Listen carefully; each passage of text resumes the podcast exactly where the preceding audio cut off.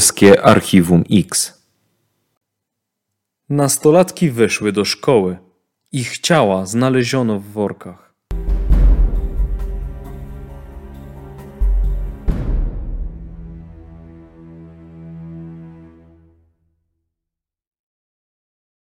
Szesnastoletnia Ewa wyszła z domu 13 maja 1995 roku. Mieszkała w Sierakowicach. Spieszyła się, bo nie chciała spóźnić się do szkoły. Do pokonania miała ponad pół kilometra.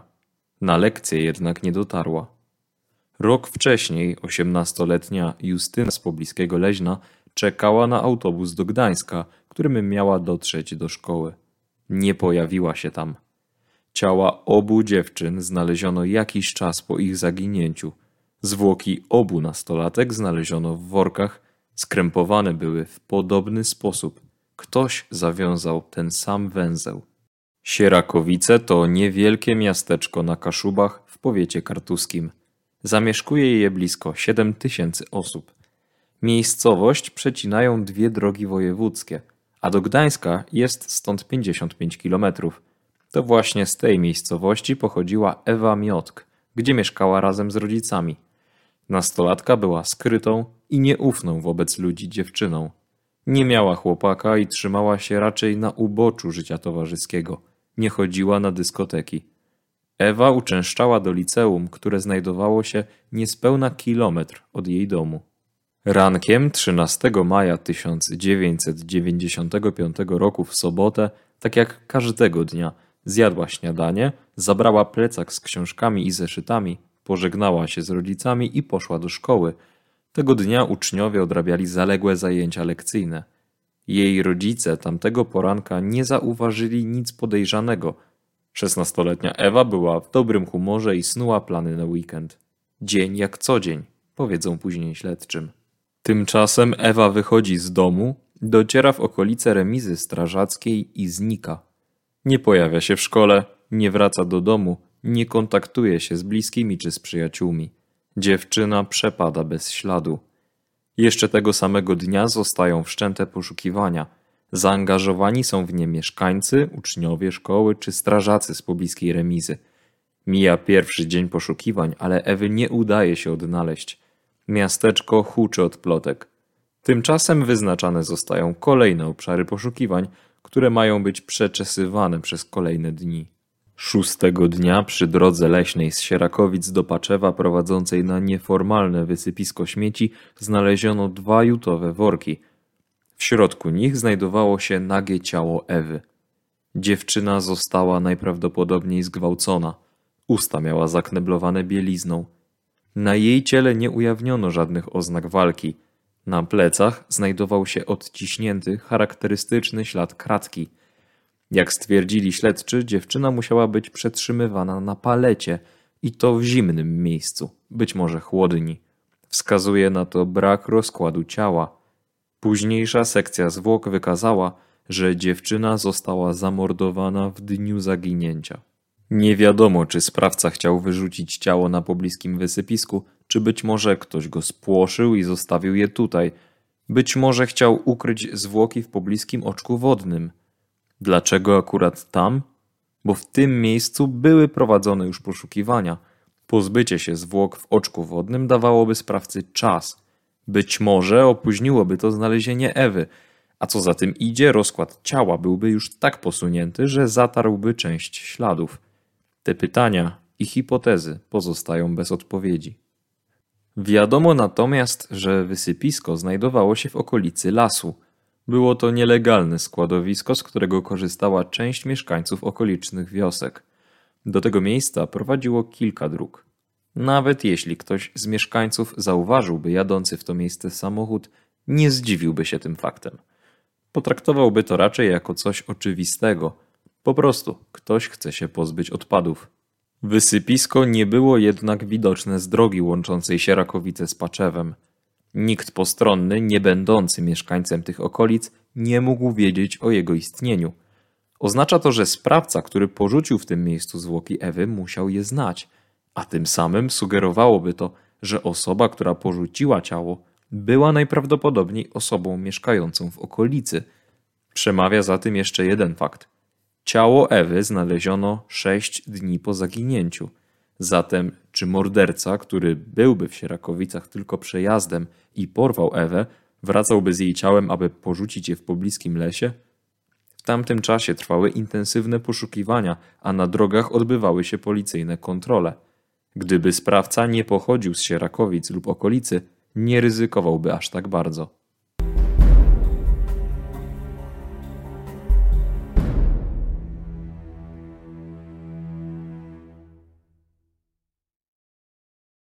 Półtorej godziny przed znalezieniem ciała Ewy obok miejsca, gdzie je odkryto, przejeżdżało dwóch mężczyzn. Żaden z nich niczego nie zauważył. W dniu znalezienia zwłok ktoś zadzwonił i poinformował, że widział Ewę. Podał też miejsce, gdzie miał ją zobaczyć. Był to zupełnie inny rejon niż tego dnia miał być przeszukany.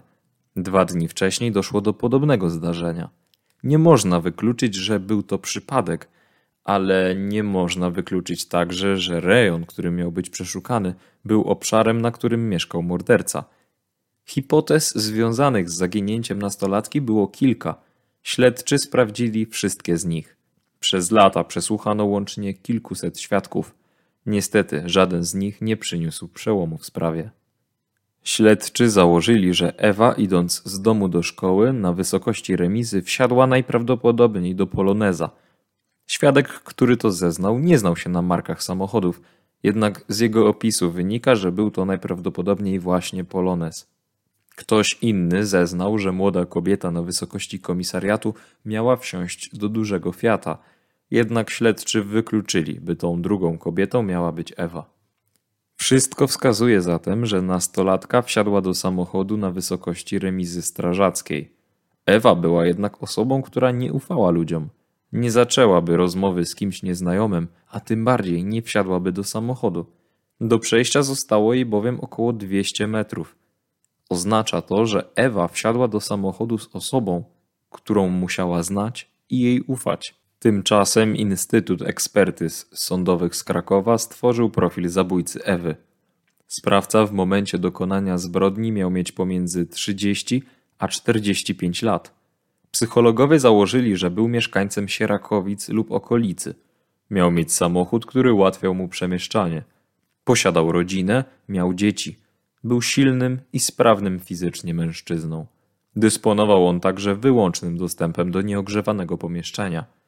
Łatwo nawiązywał kontakt z ludźmi i znał najprawdopodobniej już wcześniej Ewę. Jedną z pierwszych wersji, jaką zakładano z racji religijności Ewy i aktywności w różnych kręgach kościelnych, było to, że za wszystkim stoi miejscowy ksiądz. Ta wersja została dokładnie sprawdzona, a śledczy wykluczyli duchownego z kręgu podejrzanych. W dniu pogrzebu powiesił się jeden z miejscowych przedsiębiorców. Pojawiły się plotki, że być może miał coś wspólnego ze śmiercią Ewy. Ta wersja również została sprawdzona przez śledczych. Kolejną osobą był niejaki Henryk W., ale również i on został prześwietlony przez śledczych. Przez lata łącznie przebadano około 100 osób pod kątem zabezpieczonego na ciele Ewy DNA.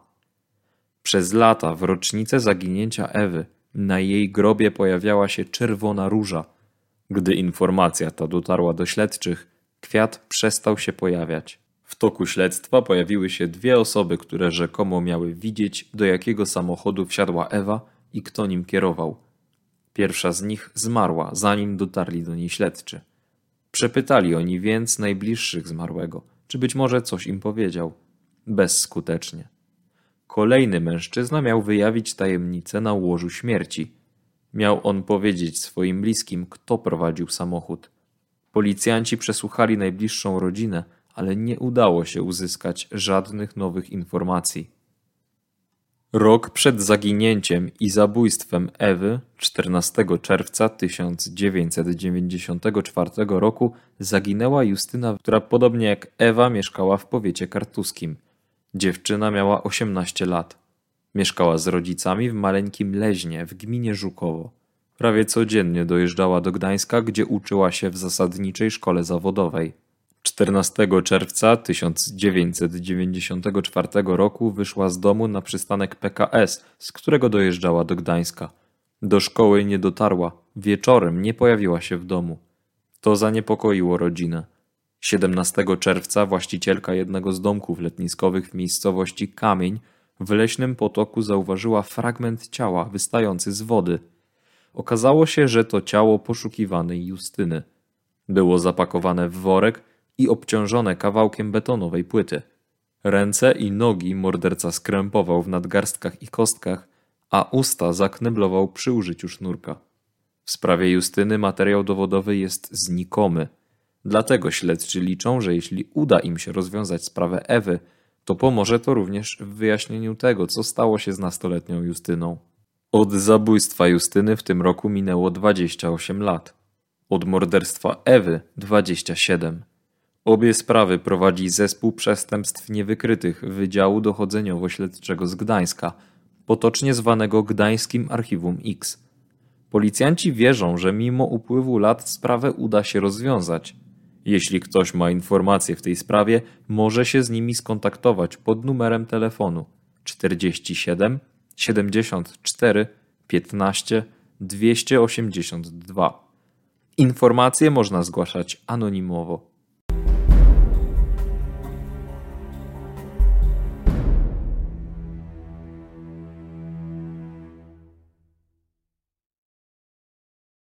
Bogdanie, w przypadku zabójstwa Ewy Justyny mamy do czynienia z podobnym modus operandi sprawcy, ten sam rejon działania. Czy można wysnuć teorię, że te zbrodnie są ze sobą powiązane? No ja raczej nie mam żadnych wątpliwości, że mamy do czynienia tutaj z tak zwanym seryjnym zabójcą na tle seksualnym. E, zwróciłbym też uwagę na podobną porę roku, aktywność, kiedy kiedy ten sprawca działał, czyli to są okresy, kiedy jest ciepło, prawda? Jest to w jednym przypadku maj i czerwiec w następnym roku.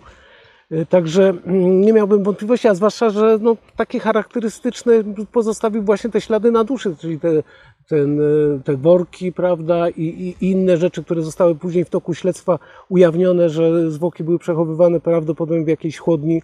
Także tutaj na pewno mm, nie ma co, mm, nie ma co po prostu być tak e, bardzo ostrożnym w tym kreowaniu takich wersji. Ja wiem, że pewnie nie ma śladów, prawda, bezpośrednio łączących i tutaj jest zawsze problem, prawda, że nie ma tego, tej pewności, ale sam modus operandi, to co powiedziałeś, że miejsce znalezienia zwłok, aktywność, no i przede wszystkim e, FBI stwierdziło, że no najdłuższy okres wygaszenia pomiędzy jednym zabójstwem na tle seksualnym, a drugim seryjnego zabójcy to jest okres siedmioletni. Tutaj mamy niecały rok, prawda? Czy tam rok i jeden miesiąc. Także tutaj wszystko wskazuje, że w obu przypadkach mamy do czynienia z jednym sprawcą, że jeden i ten sam sprawca pozbawił życia i panią Ewę, i panią Justynę. Bogdanie, od zabójstwa Justyny i Ewy minęło bardzo wiele lat. My wracamy do tej sprawy. Z swego doświadczenia życiowego i zawodowego często się zdarza, że po tylu latach pojawia się jakiś nowy świadek, jakiś nowy element układanki, który pozwala rozwiązać sprawę? To znaczy, powiem Ci tak, może często się tak nie zdarza, to takie przypadki się zdarzają, natomiast jeżeli wchodzimy świadomie i chcemy wykryć sprawę, to my powinni, policjant, detektyw powinien sobie zapewnić nowe źródła informacji, a więc w jakiś sposób tę sprawę nagłośnić, prawda? Y, walka się toczy na różnych płaszczyznach. To nie są tylko ślady, to nie są tylko przesłuchiwania świadków, ale też właśnie zapewnienie sobie dopływu informacji to trzeba brać pod uwagę w tego typu sprawach. Tu właśnie ten upływ czasu z jednej strony jest przeszkodą w prowadzeniu śledztwa, a z drugiej strony, co już wielokrotnie powtarzałem, ułatwia, prawda? I dobre nagłośnienie sprawy to jest czasami bardzo kluczowym elementem właśnie w wykryciu tego typu takich starych przypadków. No, w tym przypadku mamy teraz dobrze, że troszeczkę się wydłużyły okresy ścigania, no bo w obydwu tych przypadkach już to zbliżamy się do tej granicy 30 lat. Y, ale tak jak powtarzam, każda sprawa ma swój czas, ale musi też znaleźć swojego detektywa, który pochyli się nad, tym, nad tą sprawą i doprowadzi do ustalenia, kto jest sprawcą.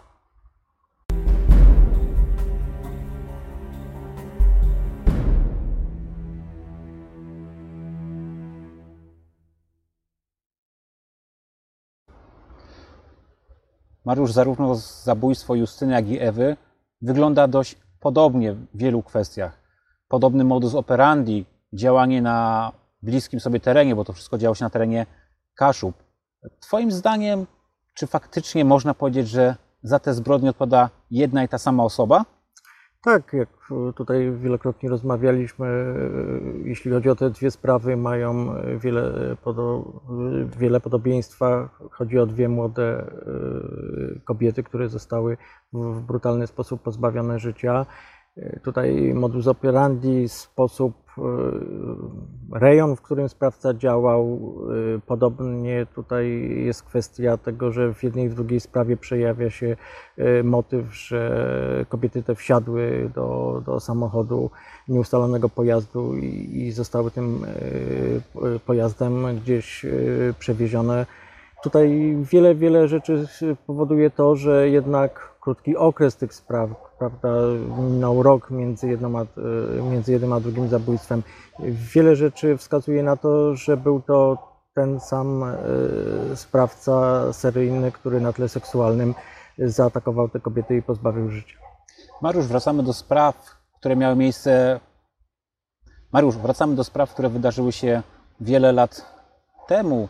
Zastanawiam się nad jednym, czy Twoim zdaniem taki powrót do spraw sprzed lat, ich medialne nagłośnienie ma sens, bo choćby przykład tego kanału Polskiego Archiwum X pokazuje, że po emisji kilkunastu odcinków faktycznie takie osoby z nowymi informacjami w różnych sprawach zgłosiły się.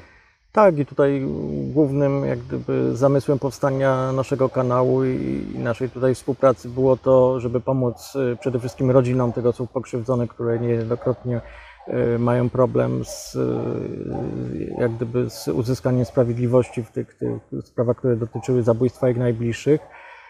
Ale tak samo przypominanie tych spraw, y, żeby funkcjonowały w tej przestrzeni i, i wracamy do tych spraw, y, licząc na to i, i w wielu sprawach, które przedstawialiśmy, wpływały różne informacje, które y, powodują, że te sprawy mogą zostać y, zakończone pozytywnie, sprawcy mogą jednak zostać zatrzymani i doprowadzić do skazania tych osób.